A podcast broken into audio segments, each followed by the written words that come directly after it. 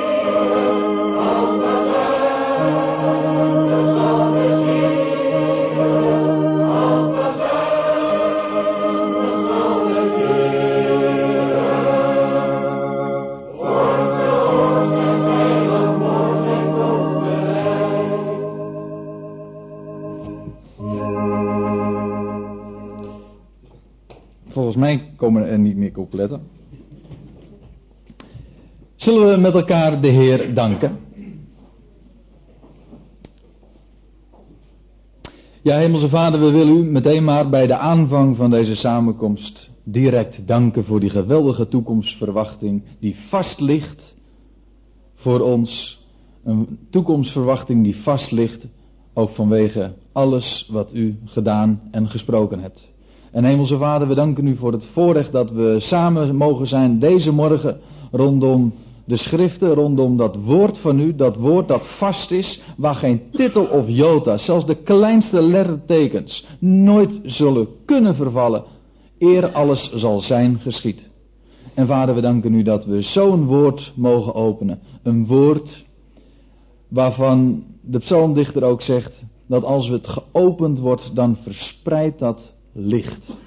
En zo mogen we dat ook in ons eigen leven ervaren. Wanneer dat licht schijnt in onze harten, dan worden we verwarmd en dan worden we verlicht en dan gaan we dingen zien waarvan de wereld absoluut geen weet heeft. Waarvan wij zelf ook helemaal geen weet zouden hebben dan alleen juist ook omdat u zelf het ons openbaart door uw woord heen.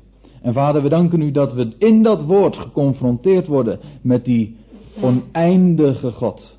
Die God die alles in zijn hand heeft. Een God die het voornemen der eeuwen voltooit.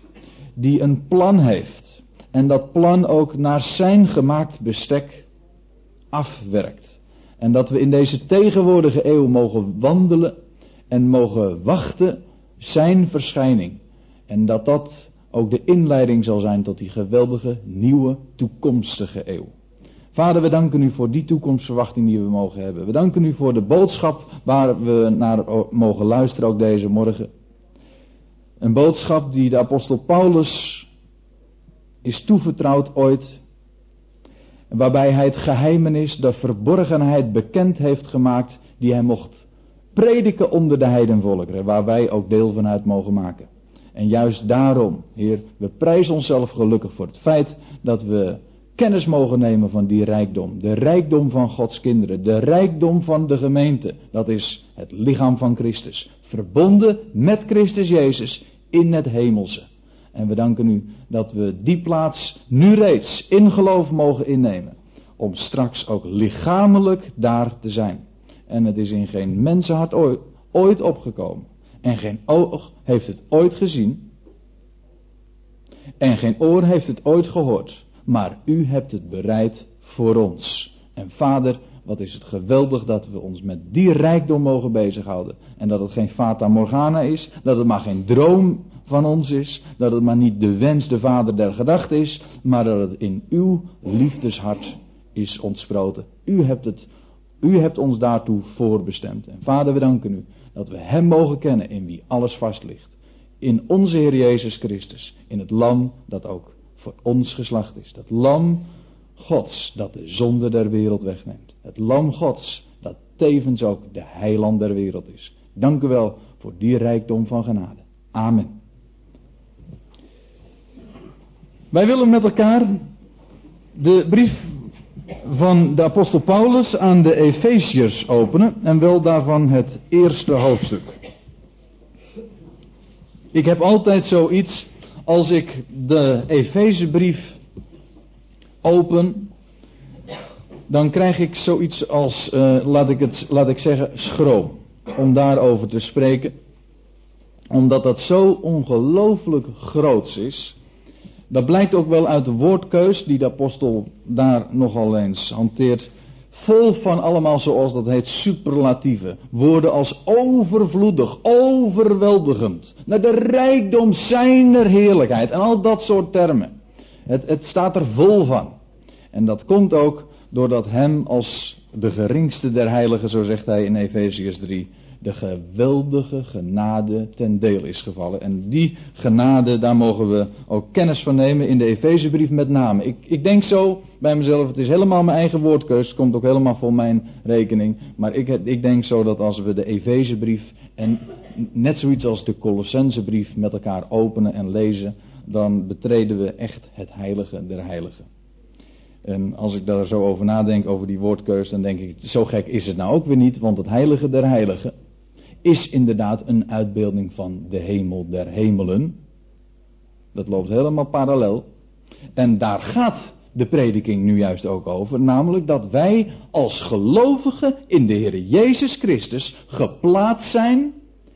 In Christus Jezus dus. In het hemelse. En daar gaat inderdaad de prediking over. En ik stel voor dat we met elkaar gewoon maar het hele hoofdstuk lezen. Dat wil zeggen Efeziërs 1. Hoewel ik slechts uh, de laatste versen met u vanmorgen eens wat nader wil bezien. We zien wel hoe ver we daarmee komen. Maar ik wil in ieder geval eerst dat eerste hoofdstuk met u lezen. Daar staat Paulus, door de wil van God, een apostel van Christus Jezus, aan de heiligen en gelovigen in Christus Jezus, die te Efeze zijn. Genade zij u en vrede van God, onze Vader, en van de Heer Jezus Christus. Gezegend zij de God en Vader van onze Heer Jezus Christus, die ons met alle ik, kan, ik, kan het niet over me, ik kan niet over mijn lippen verkrijgen om hier allerlei te lezen, want het staat er ook niet hoor. Er staat echt letterlijk in de grondtekst, en dat is nu juist ook de clue, met alle geestelijke zegen in de hemelse gewesten gezegend heeft in Christus. Hij heeft ons immers in Hem uitverkoren voor de grondlegging der wereld, opdat wij heilig en onberispelijk zouden zijn voor Zijn aangezicht.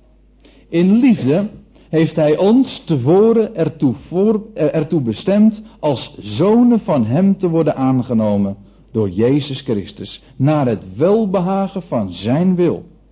Tot lof van de heerlijkheid van zijn genade, waarmee hij ons begenadigd heeft in de geliefde.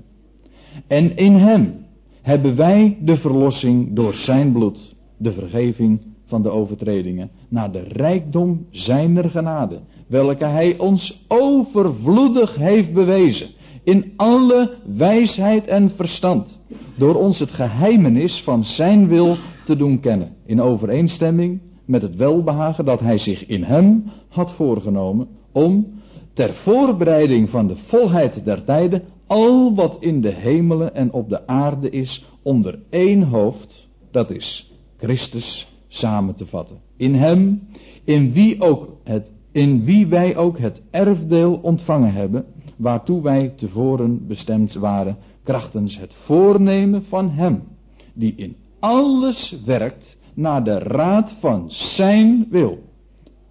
Opdat wij zouden zijn tot lof zijner heerlijkheid, wij die reeds tevoren onze hoop op Christus hadden gebouwd.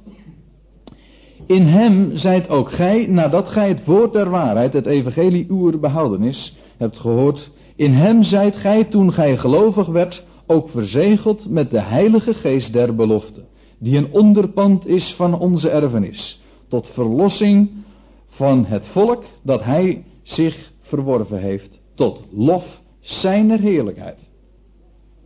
Daarom houd ook ik, gehoord hebbende van uw geloof in de Heer Jezus en van uw liefde tot al de heiligen, niet op te danken u gedenkende bij mijn gebeden, opdat de God van onze Heer Jezus Christus, de Vader der heerlijkheid, u geven de geest van wijsheid en, en van openbaring, om Hem recht te kennen.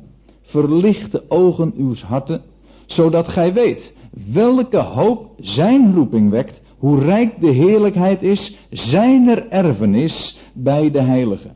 En hoe overweldigend groot zijn kracht is aan ons die geloven, naar de werking van de sterkte zijner macht, die hij heeft gewrocht in Christus, door hem uit de doden op te wekken en hem te zetten aan zijn rechterhand in de hemelse gewesten, boven alle overheid en macht en kracht en heerschappij. En alle naam die genoemd wordt, niet alleen in deze, maar ook in de toekomende eeuw.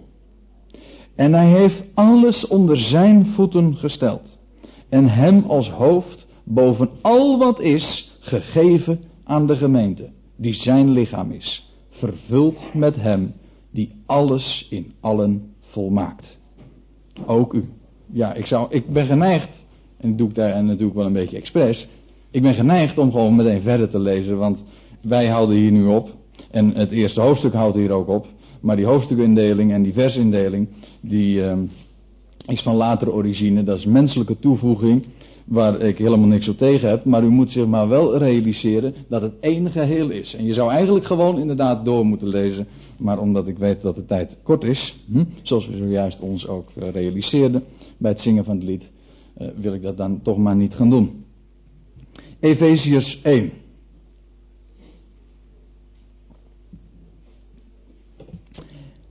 Deze brief, ik zei het u al, is inderdaad buitengewoon verheven.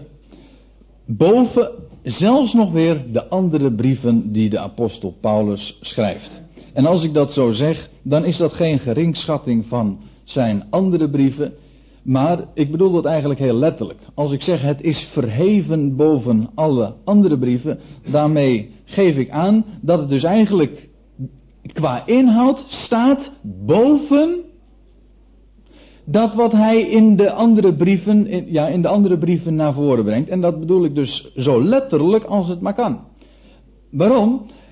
In deze, in deze brief spreekt hij erover dat wij in Christus Jezus in, het, in de hemelse gewesten geplaatst zijn. Hij vangt meteen aan te zeggen met deze belangrijke waarheid in vers 3 van Efeziërs 1. Gezegend zij de God en Vader van onze Heer Jezus Christus, die ons met, en ik heb dus zojuist al gezegd, daar staat letterlijk alle geestelijke zegen. Ik denk wel bij mezelf, waarom zouden die vertalers daar nou allerlei van gemaakt hebben?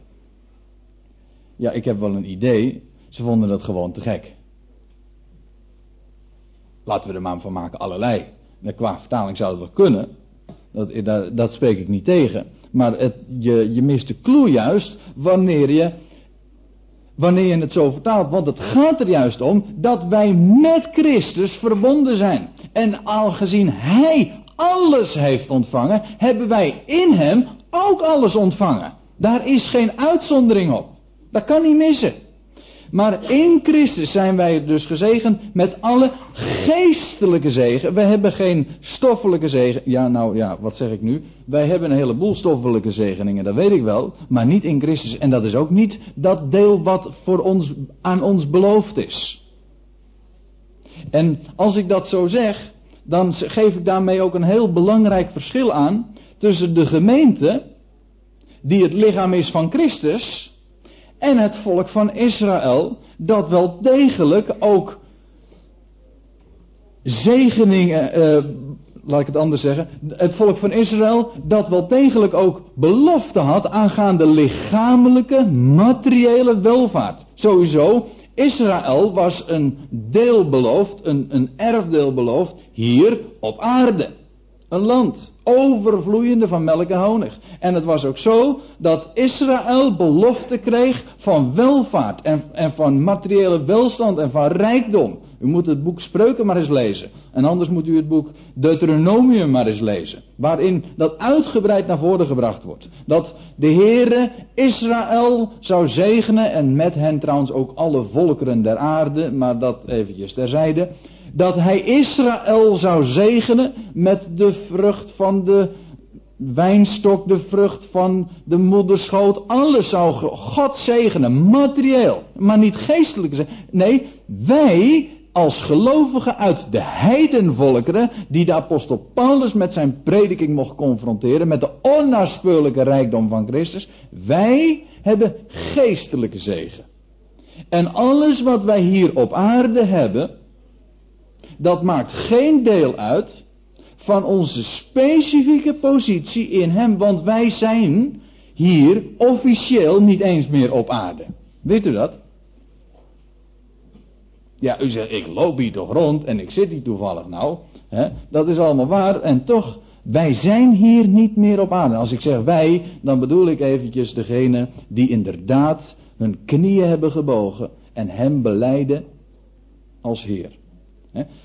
Wij zijn niet meer op aarde. Wij zijn namelijk in het hemelse. U zegt lichamelijk niet, nee dat is waar. Maar daar gaat het nu ook even nog niet om. Lichamelijk wordt het straks waar. Hè? We weten wel waar we zojuist ook over zongen. Hè? Wanneer het wanneer werkelijkheid zal worden. Dus trouwens ook binnenkort. Hè? Vandaar ook dat we zulke liederen zo met, uh, uit volle borst kunnen zingen. Maar even over dat ene ding. Ik zei, wij zijn hier eigenlijk helemaal niet meer op aarde. Maar als ik nou eens een keertje hoofdstuk 2 van de Efezebrief lees. En daar staat in vers 6.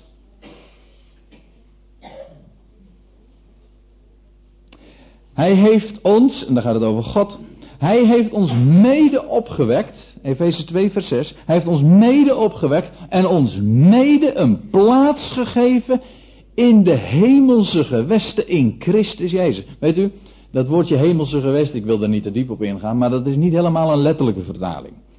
Dat woord gewesten staat er eigenlijk niet. Er staat eigenlijk letterlijk in de hemelsen.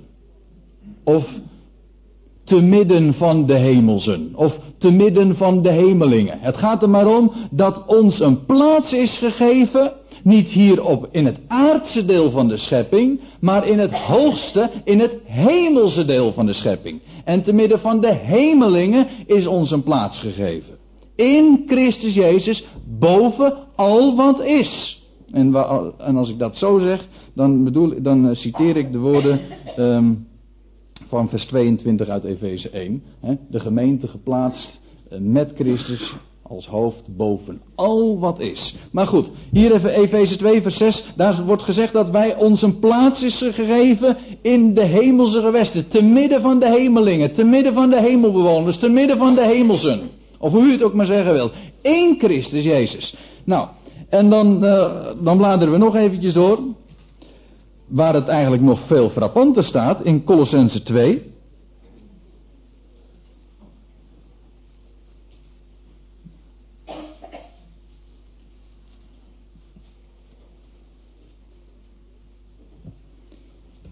Colossense 2, vers 20.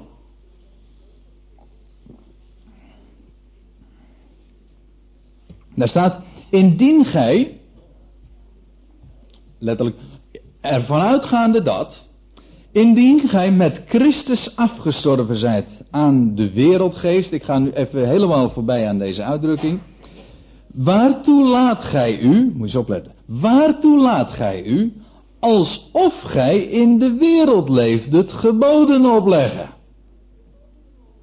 Raak niet, smaak niet, roer niet aan. Dat alles zijn dingen die door het gebruik teloor gaan, enzovoort, enzovoort. Maar het gaat me eventjes om de, die laatste zinsnede van vers, vers, van vers 20. Waartoe laat gij u alsof gij in de wereld leeft? Weet u wat, wat dat betekent? Dat betekent dat apostel Paulus er gewoon van uitgaat dat wij niet meer in deze wereld leven. Ja, naar het vlees gerekend wel. He? Gewoon naar de zienlijke kant.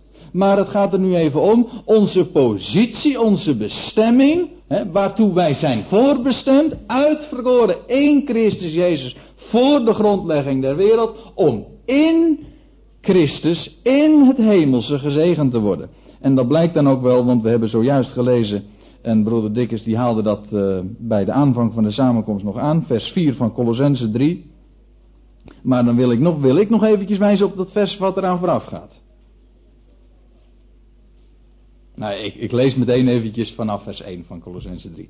Indien gij nu, indien gij dan met Christus opgewekt zijt, zoekt de dingen die boven zijn. Waar Christus is. Gezeten aan de rechterhand Gods. Bedenkt de dingen die boven zijn. Niet die op de aarde zijn. Want gij zijt gestorven en uw leven is verborgen met Christus in God. Broeder zei zojuist al, wij zijn inderdaad de gemeente des Heren, de gemeente die zijn lichaam is, is verborgen. Dat wordt niet gezien. Dat is ook zo, maar hier, maar ik wil dan nu ook nog even dat andere benadrukken, namelijk dat wij verborgen zijn in Christus, die boven is. En wanneer Christus verschijnt, die ons leven is, zult ook gij met hem verschijnen in heerlijkheid. Dan worden wij openbaar en geen moment eerder. Wanneer dat wanneer aanbreekt. Dan worden wij openbaar, en, maar nu is alles nog verborgen. En bovendien, wij zijn nu reeds in Christus geplaatst te midden van de hemelzen. Dat is machtig, hè? U zegt van, daar kan ik me geen voorstelling bij maken. Dan zeg ik, ik ook niet. Maar ik weet dat het zo onvoorstelbaar groot is. Dat kan niet missen. Wij zijn verbonden met het hoofd. Wij zijn verbonden met Hem. En nou kom ik meteen al een klein beetje dichterbij waar ik eigenlijk inderdaad uw aandacht eens op wil bevestigen. Het valt nooit mee om, uh, om meteen to the point te komen. Hè? Maar uh, waar ik u graag eens op wil wijzen, op dat laatste gedeelte, die laatste versen, die staan opgetekend in Efeziërs 1, namelijk dat wij, dat Christus boven alle overheid en macht en kracht en heerschappij en alle naam die genoemd wordt, niet alleen in deze, maar ook in de toekomende eeuw geplaatst is, en dat wij als lichaam met Hem verbonden zijn. zoals daar is de eenheid van hoofd en lichaam.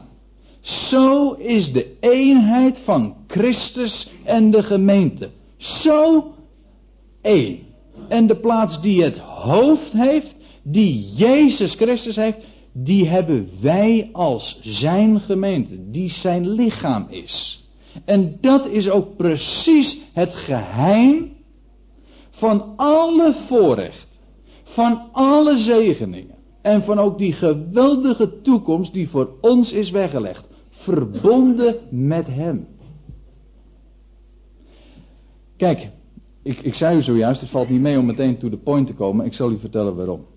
En dat is omdat er zo weinig oog is. Zo ontzettend weinig oog is voor die enorme rijkdom die de apostel Paulus mocht gaan verkondigen aan de heidenvolkeren. Dat was namelijk ook maar niet zomaar een open, dat was maar niet een prediking die in het verlengde lag van wat de andere apostelen ook brachten. Zo wordt het heel vaak gebracht. Zo van, uh, nou wat Petrus en Jacobus en Johannes mochten vertellen aan Israël, aan de besnedenen. Dat mocht de apostel Paulus aan de heidenen gaan brengen. Nee, wat de apostel Paulus ging brengen aan de heidenvolkeren was ook een on, dat was iets onvergelijkbaars meer. Eigenlijk staat, en dat zou u eens na moeten lezen in de hoofdstukken 1 en 2 van de Galatenbrief, waar Paulus eigenlijk benadrukt dat hij eigenlijk niks met Jeruzalem te maken had, niks met de twaalf apostelen. En dat hij inderdaad zijn boodschap niet had ontvangen van een mens. Ook niet van Petrus, maar door openbaring van Jezus Christus. Dat staat er los van. En Paulus die had een openbaring gehad. Ik, ja, ik nou ja. E- Efeziërs 3. Ik moet het gewoon even lezen, want anders denkt u van dat ik, dat ik u iets op de mouw zit te spelden. Dat is niet waar hoor. Dat is, dit is gewoon de, dat zijn de geheimen die hij in zijn brieven zo onver, uh, zonder het moe te worden, laat ik het zo zeggen, zonder er moe van te worden, iedere keer weer benadrukt dat hem zoiets onge, ongelooflijk groots is ten deel gevallen, een openbaring. Hij is ook opgetrokken geweest, dat moet u niet vergeten. Paulus is ooit opgetrokken geweest in de derde hemel. Ik had het zojuist over de hemel der hemelen. Hè? Nou, daar is Paulus in opgetrokken geweest. In de hemel der hemel, in de derde hemel. En hij heeft daar dingen gezien, zo groot. Hij zegt het ook. Wat hij daar gehoord heeft, dat mag een mens niet eens uitspreken. En om de enorme rijkdom van die openbaring, u kunt het nalezen in 2 Korinthe 12, om die enorme rijkdom was hem ook een doorn in het vlees gegeven om niet al te zeer hoogmoedig te worden. Omdat hij zich niet te zeer zou verheffen. En zo ging hij er voortaan een eer instellen in moeite en in zwakheid en in ziekte. Dat is zo, dat is zo geweldig. Dat zijn, als je eenmaal dat ziet, hè, als je eenmaal ziet wat wij in Christus geworden zijn en dat we geplaatst zijn in de hemel, dan ga je heel anders aankijken tegen de dingen hier op aarde. Zelfs tegen zulke dingen als gezondheid. Ik weet wel, daar moet je heel erg voor oppassen. Zeker als je een gezonde body hebt, eh, als ik. Ja, dat is echt zo. Dat, daar, daar, ik bedoel dat ook helemaal niet denigrerend. Integendeel, als je gezond bent, dank de Heer daar maar op je knietjes voor hoor. Want het zijn zulke uh, grootste dingen. Want zo heb je het en zo bent kwijt. En toch, broeders en zusters, ons is geen gezondheid beloofd. Al het gekakel en al het geschreeuw van allerlei predikanten en evangelisten van bid de Heer om genezing en je wordt genezen, is een leugen. echt waar, het is een leugen.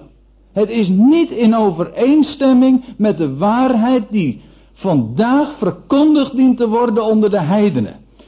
Het is, het is wel een waarheid, maar op de verkeerde plaats. En dat maakt een waarheid tot een leugen. Het is een waarheid in verband met Israël en het is een waarheid in verband met de openbaring van het koninkrijk.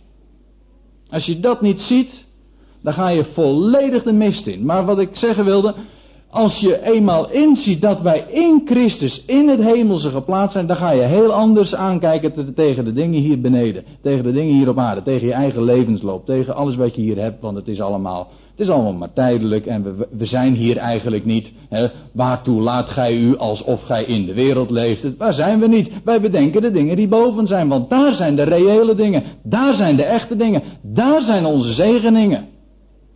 Vandaar ook dat daar onze eigenlijke strijd plaatsvindt. Dat weten de hele, heleboel mensen ook eh, niet. Kijk, als je niet weet dat onze erfenis. Ik ga maar eventjes aan, de, aan het onjuiste woord uh, voorbij, maar goed. Maar als je weet dat onze erfenis daar in de hemel ligt, hè, dan hebben we daar wat te verdedigen. Nou, niet te verdedigen, maar daar hebben we daar stand te houden. Wij hebben een deel daar. Maar als je daar geen weet van hebt, als je denkt van nou, uh, ik dank de Heer voor mijn gezondheid en en dat zijn mijn zegen. Kijk, als je niet weet dat onze erfenis, ik ga maar eventjes aan, de, aan het onjuiste woord uh, voorbij, maar goed. Maar als je weet dat onze erfenis daar in de hemel ligt, hè, dan hebben we daar wat te, nou niet te verdedigen, maar daar hebben we daar stand te houden. Wij hebben een deel daar. Maar als je daar geen weet van hebt, als je denkt van nou, uh, ik dank de Heer voor mijn gezondheid en dat, en dat zijn mijn zegeningen in Christus, hè, en straks uh, dan gaan we op de nieuwe aarde wonen en zo, dan weet je niet eens van de rijkdom die je hebt in Hem. En dan heb je ook geen strijd in de hemelse gewesten. Want je hebt daar niks. Ik bedoel, je krijgt pas ergens een strijd. Kijk, Israël heeft een strijd. Ik bedoel, de, de Joodse staat heeft daar een strijd daar in het Midden-Oosten. Omdat ze daar een erfenis heeft. Er, er, valt wat te verdedigen. Maar een heleboel mensen weten helemaal niet van de zegen en van het deel dat ze hebben in de hemelse gewesten. Dus hebben ze die strijd er ook niet. Ze praten er wel over. Maar in werkelijkheid zitten ze altijd maar te strijden tegen vlees en bloed. En dat is onze strijd niet. Wij vechten niet tegen mensen.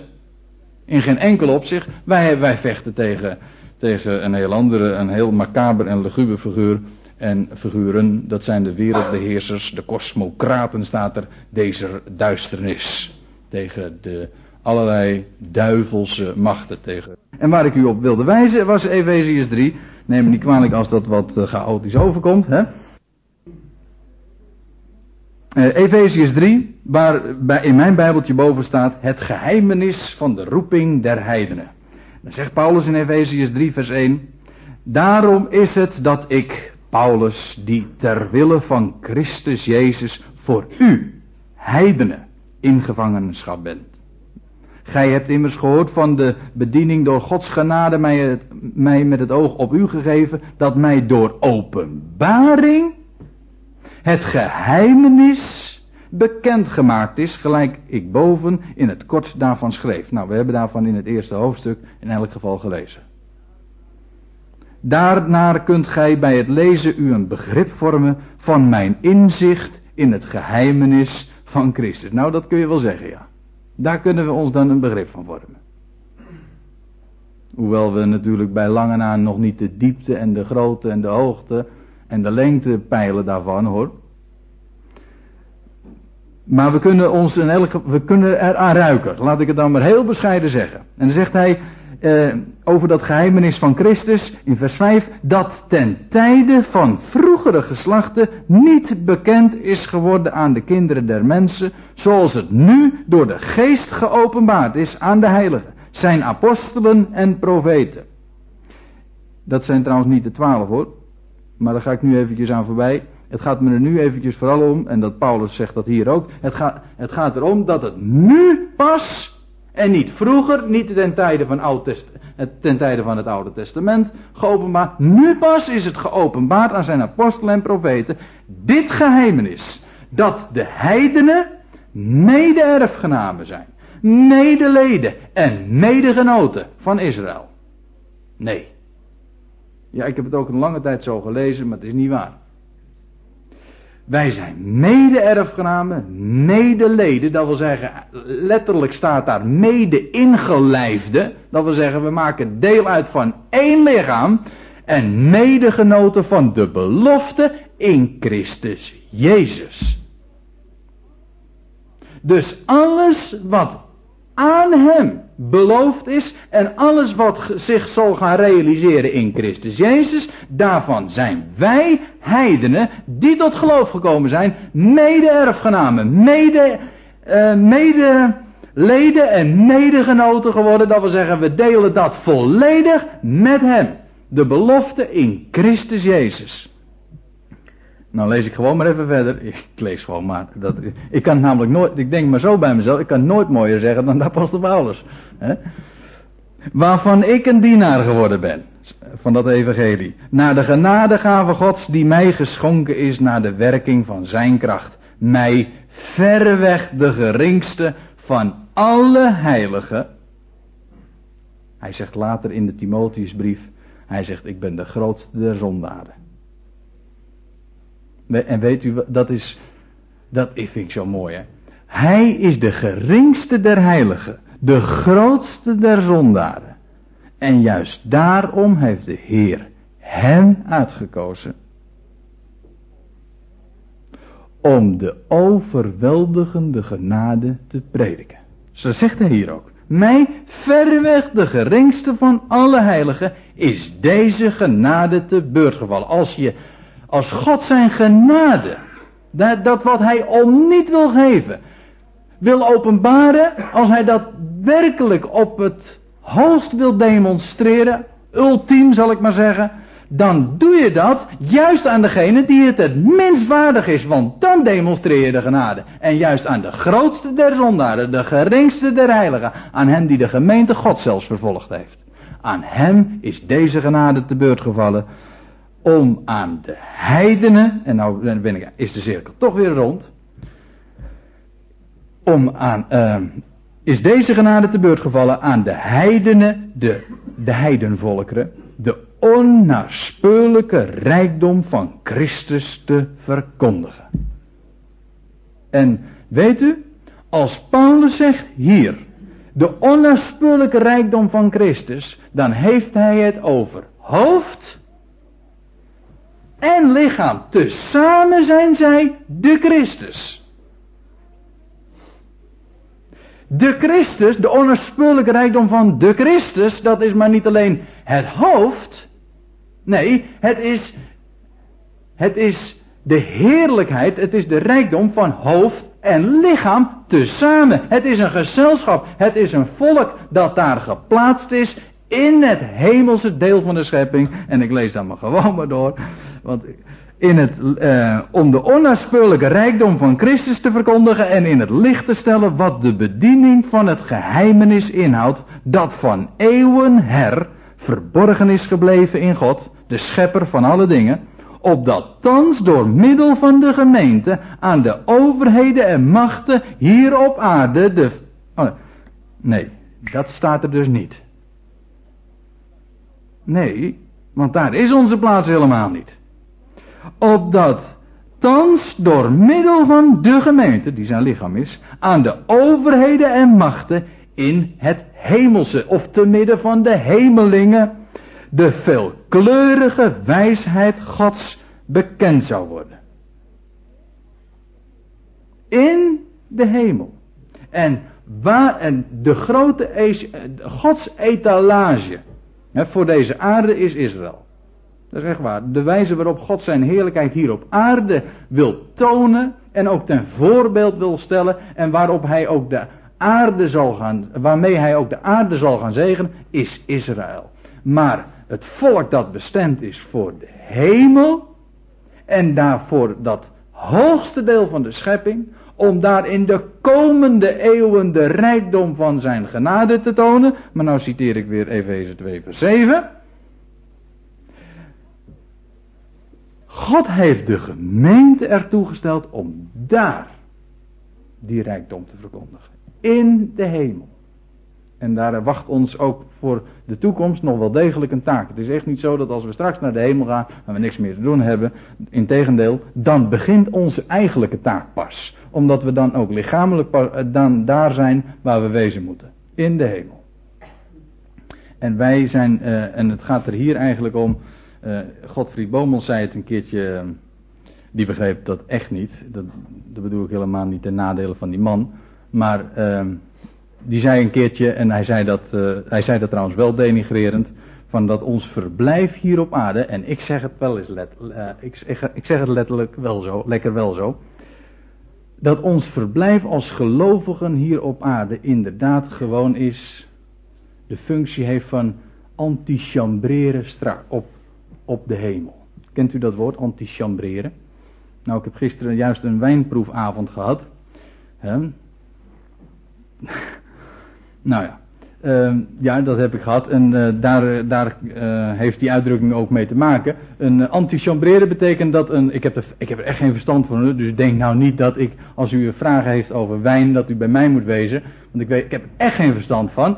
Maar het is zo dat als een, ehm, een wijn hoort gedronken te worden op kamertemperatuur. Dus een, wijn, een, een fles wijn die moet eerst even op temperatuur komen. Hè, op kamertemperatuur komen. En dat, dat, noemen ze, dat noemen de wijnkenners, en ik praat er nu gewoon eventjes na, noemen ze antichambreren.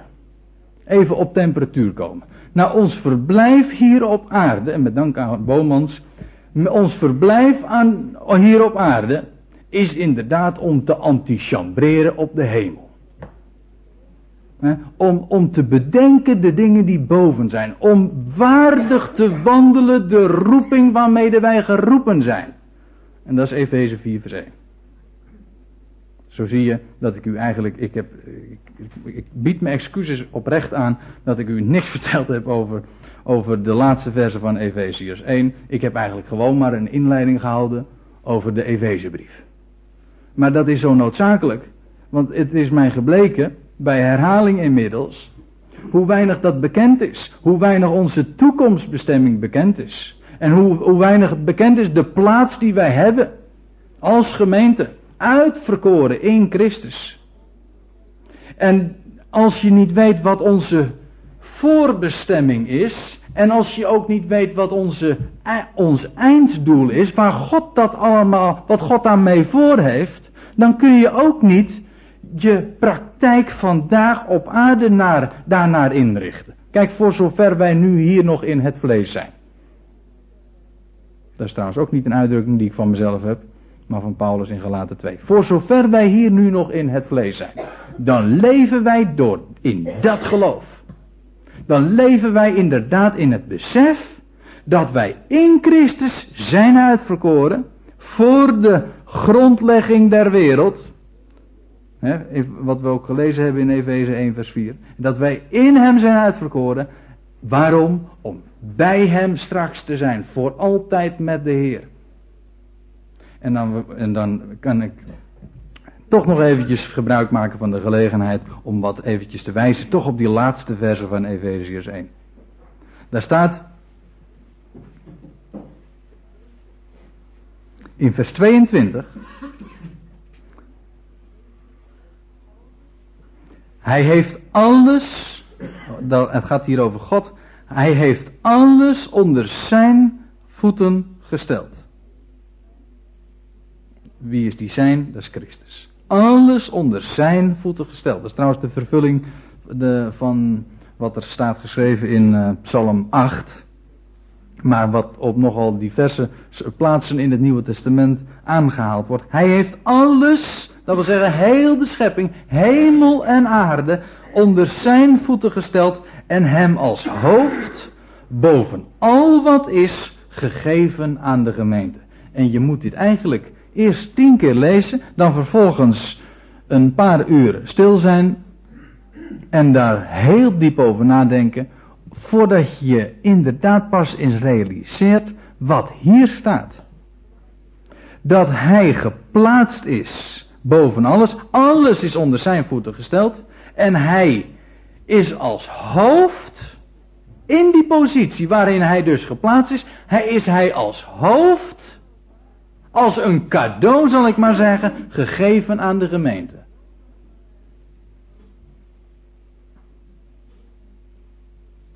Die, uh, die zijn lichaam is vervuld met hem. Of de aanvulling is van hem. Eigenlijk is het zo dat Christus ook niet compleet is. Ik, ik, wat zeg ik nou, hè? Maar Christus is niet compleet zonder ons die zijn lichaam zijn. Zo is dat. Want we zijn een eenheid, zoals een hoofd op zich niet compleet is. Zo is Jezus Christus, die het hoofd is boven alles, is niet compleet. Hij, de aanvulling, de vervulling van hem, dat is dat lichaam. En zij, hoofd en lichaam, zijn een eenheid. En alles is onder zijn voeten, onder de voeten van Christus geplaatst. Maar als wij zijn lichaam zijn.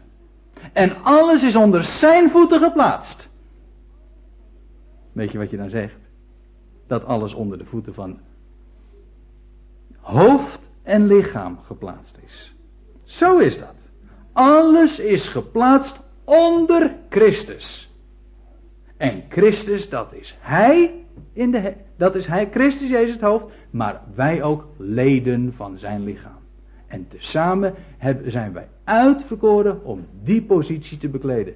En ik weet best hoor, en ik kan me heel goed voorstellen dat als u uh, straks deze zaal verlaat en zegt van nou ik vond het wel erg moeilijk of ik vond het wel zo verheven, ik kan me daar, maar, eh, ik kan me daar geen voorstelling van maken. Dan zeg ik ik ook niet. Dat, heeft, dat is in mijn hart ook niet opgekomen. Wat ik u sta te vertellen is niet zo van, nou dat lijkt me wel aardig om te vertellen vanmorgen eens, dat lijkt, hm? Of, uh, of dat is ook niet omdat ik een uh, visioen heb gekregen, waar ook uh, nogal wat voorgangers zich op menen te moeten beroemen.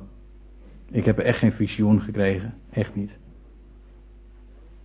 Maar wat ik wel heb mogen leren inzien, is wat de apostel Paulus heeft mogen opschrijven. En de, de openbaring van het geheimenis wat hem is toevertrouwd. En dat geef ik u gewoon door. U kunt gewoon zwart op wit lezen. En weet u wat ik wel eens een keertje denk? Hoe is het toch mogelijk dat zo ontzettend veel ogen daarvoor zijn verblind? Voor die rijkdom. En hoe is het toch mogelijk dat vele gelovigen vandaag denken dat ze Israël zijn. En alles wat aan Israël is beloofd en is gegeven, de voorrechten, de genadegaven die aan Israël zijn toegevoegd, dat menen we op onszelf te moeten toe, toepassen. En alles wat Paulus aan de heidenvolkeren, dat zijn wij, predikt, daar zijn we blind voor. Daar denk ik van, wat een succes hebben die wereldbeheersers deze duisternis behaald. Ik zeg het nog eens een keertje. Ik word er vervelend mee. Ik hoop inderdaad dat, dat ik die naam krijg. Toch echt hoor. Ik hoop dat ik de naam krijg en dat, dat ik er heel erg vervelend mee word. Want dat betekent dat in ieder geval duidelijk is geworden. Waar het vandaag in onze, in onze dagen om gaat, is dat we de boodschap van Paulus ons eigen gaan maken. Dat is namelijk voor ons bestemd. Dat is direct aan ons gericht. Kijk, heel de schrift Heel de schrift is aan ons gegeven. En al wat opgetekend staat, dat is opgetekend ons ten voorbeeld. Dat is allemaal waard. Allemaal tot je dienst. Maar er is een één categorie in de Bijbel.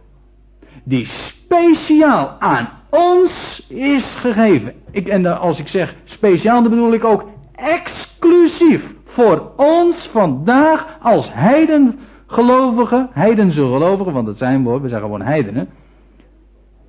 Speciaal aan ons als heidengelovigen is toevertrouwd, dat is de boodschap die Paulus mocht prediken. En, en daar moeten we, daar, moeten, daar mogen we ons mee in verlustigen. Die dingen mogen we gaan bedenken. Die dingen mogen we ons toe-eigenen. Weet u waarom? Omdat het aan ons gegeven is. Zo zit dat. Het is aan ons gegeven en in die rijkdom, daar mogen we ons in verblijden. En het is zo ongelooflijk groots. En ik ben er ook van overtuigd dat als je dat inziet, dan ga je inderdaad wat doen wat Paulus deed. In Efeziërs 3, als hij aan de afsluiting komt van, van die geweldige openbaring, dan zegt hij, om die reden, in, in Efeze 3 vers 14, om die reden buig ik mijn knieën voor de Vader naar wie alle geslacht in de hemel en op de aarde genoemd wordt.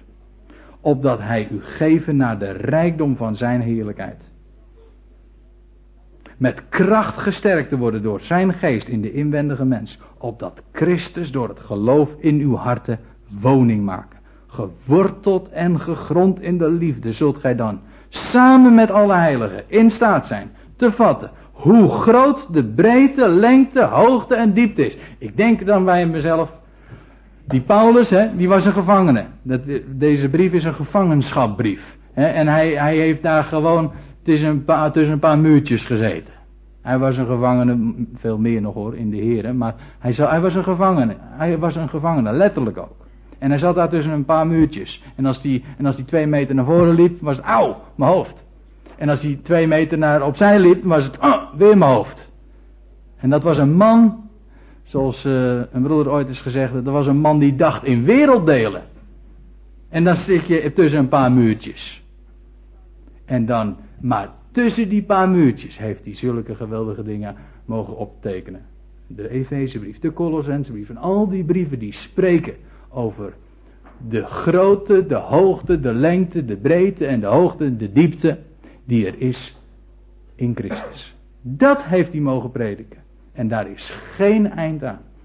Dat is eindeloos. Letterlijk en figuurlijk. In alle richtingen ook nog eens. En daarom dat we elkaar ook mogen toebidden. Dat doet Paulus ook tot twee keer toe in deze brief. Ik heb het u nou eigenlijk allemaal gewoon verteld. Hè? En het, het, valt niet mee om dat allemaal ordelijk te doen, zeker voor mij niet. Hè? U moet me dat allemaal maar niet kwalijk nemen, maar ik, ik, vertel u dat gewoon maar. Maar wat we elkaar moeten toebidden en mogen toebidden, dat is dat we verlichte ogen des harten krijgen. Zodat we zien die rijkdom. Want het is één ding om het gewoon te lezen, maar dan, dan zie je het nog niet. En dat het allemaal toe mag leiden dat je om die reden de, je knieën gaat buigen voor de Vader. Die alles werkt naar de raad van zijn wil. En die alles werkt naar het plan der eeuwen. En die inderdaad alles wordt in alles. Dat is de rijke, grootse God die wij mogen kennen en wij mogen dienen. Amen.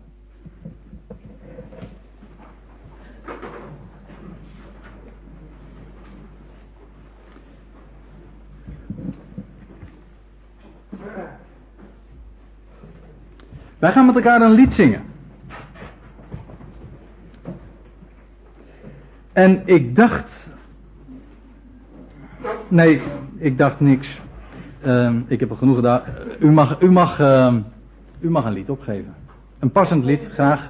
Welk lied? 542. 542.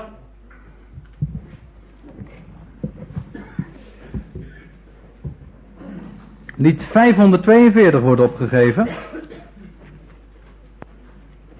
Wilt gij van zonde en schuld zijn verlost, daar is kracht in het bloed. Weet dat uw redding zoveel heeft gekost, daar is kracht in het bloed van het lam. Dat is ook die kracht waar Paulus over spreekt in Efeze 1. En de kracht die ook aan ons is bewezen doordat wij met hem opgewekt zijn uit de dood. We zingen alle vierde coupletten van lied 542 en tegelijkertijd hebt u ook de gelegenheid om wat financiële rijkdom die u hebt toe te vertrouwen aan dat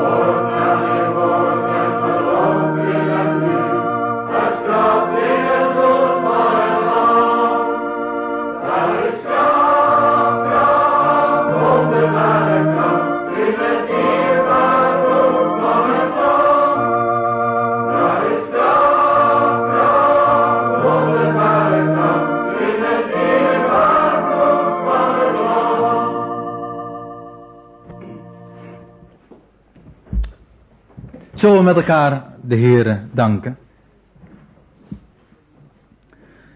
Hemelse Vader, we willen u dank zeggen uit de grond van ons hart voor alles wat u uit genade geeft in uw Zoon, de Heer Jezus Christus. Hemelse Vader, we willen u danken dat we vanmorgen met elkaar in alle zwakheid dat woord van u mochten openen. En dat we de lichtstralen die uit dat woord komen, dat we ons daardoor mogen laten verlichten. En Heer, daarom is het eerst ook wat we elkaar toebidden. Verlicht de ogen des harten, zodat we weten hoe rijk de erfenis is van u zelf. En die wij mogen delen. En hoe overweldigend groot de kracht is aan ons, die geloven. Een kracht die u ook heeft bewezen. De kracht van het bloed waarvan we zojuist ook zongen. De kracht die u hebt bewezen aan uw zoon, de Heer Jezus Christus. Die was in de dood. Die was in de diepste diepte. En die nu geplaatst is boven al wat is. Boven alle overheid en macht. En boven alle krachten. Boven alle naam die genoemd wordt. Niet alleen in deze, maar ook in de toekomende eeuw. Dat hij vanuit de diepste diepte verhoogd is tot de hoogste hoogte. En dat we als klap op de vuurbijl. Als de climax. Ons ook mochten realiseren deze morgen. Dat wij als gemeente als gelovigen. Als mensen die helemaal niets verdienen. Als mensen die eertijds ver af waren, want we waren, wij waren en we zijn heidenen, dat wij nabijgebracht zijn door het bloed van Christus. En dat we door genade zalig geworden zijn. En dat doordat we in genade mede opgewekt zijn en mede ons een plaats is gegeven te midden van de hemelingen. In Christus Jezus. En dat we in Christus ook uitverkoren zijn tot die plaats. En vader, we danken u dat daarom ook alle roem uitgesloten is. Het is inderdaad, zoals een lied zegt, onverdiende zaligheid. Het is, er is geen roem bij, want alles is uit u. Het is allemaal in overeenstemming met de raad van uw wil. U heeft een plan. U werkt dat uit. En daarom, Heer, we mogen dat vaste vertrouwen ook hebben in die God die alles werkt in de raad van zijn wil. Want als hij alles in handen heeft, dan komt het goed.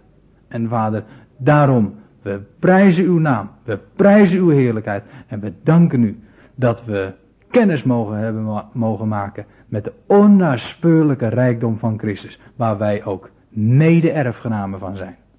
En vader, wat zal er straks nog te genieten zijn? Wat zal er straks ons nog duidelijk worden? Hoe zal straks ook, wanneer die dag aanbreekt, wanneer we de Heer tegemoet zullen gaan in de lucht, wanneer, hoe zal dan ook duidelijk worden? En bevestigd worden, al wat de apostel heeft mogen optekenen door openbaring. En dan zal waarheid worden. En dan zullen we het ook zien, dan zullen we het horen, dan zullen het gewoon onze lijfelijke ervaring zijn. Alles wat hij heeft mogen optekenen. En dan, zal, dan zullen wij in het hemelse deel van de schepping boven al wat is, de rijkdom van uw genade mogen etaleren, mogen tonen. En vader, we danken u dat we daartoe zijn voorbestemd. En we danken u dat alles gebaseerd is op uw raad, op uw wil, op uw woord en op de kracht van dat bloed van het lam. Dat hij alles verworven heeft. Hij, dat hij vrede gemaakt heeft door het bloed zijns kruises. En dat alles wat er is. En ook heel uw verlossingsplan daar op dat werk gebaseerd is. Dank u wel, Heer, dat we daarop mogen staan, dat we daar ons in mogen verblijden, dat we mogen bedenken de dingen die boven zijn en dat we vanuit de positie die we boven mogen hebben, naar de dingen hier beneden mogen kijken. Vader, we danken u voor alles wat we op deze morgen met elkaar mochten overwegen. En we bevelen ons ook voor de rest van deze dag, voor de rest van deze week, bij u aan. Amen. Ik wilde graag met u nog één lied zingen tot slot. 145. Christus alles in allen. Of Christus al in alles, Hij alleen. Daar wil ik heen en daar gaan we ook heen. Enig alles Jezus, Jezus, Hij alleen.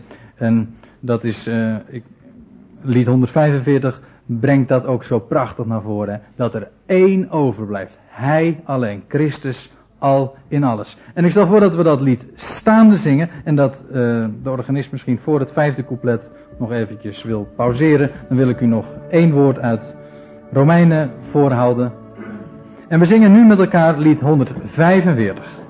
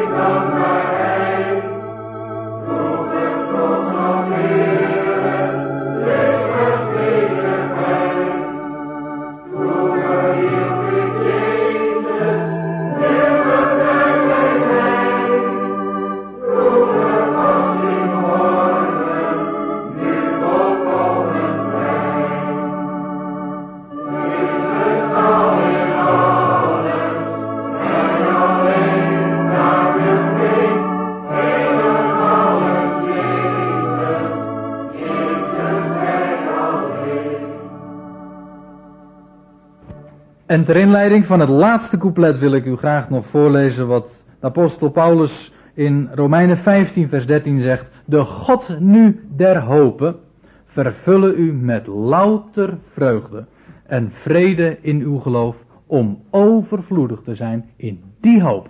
Amen.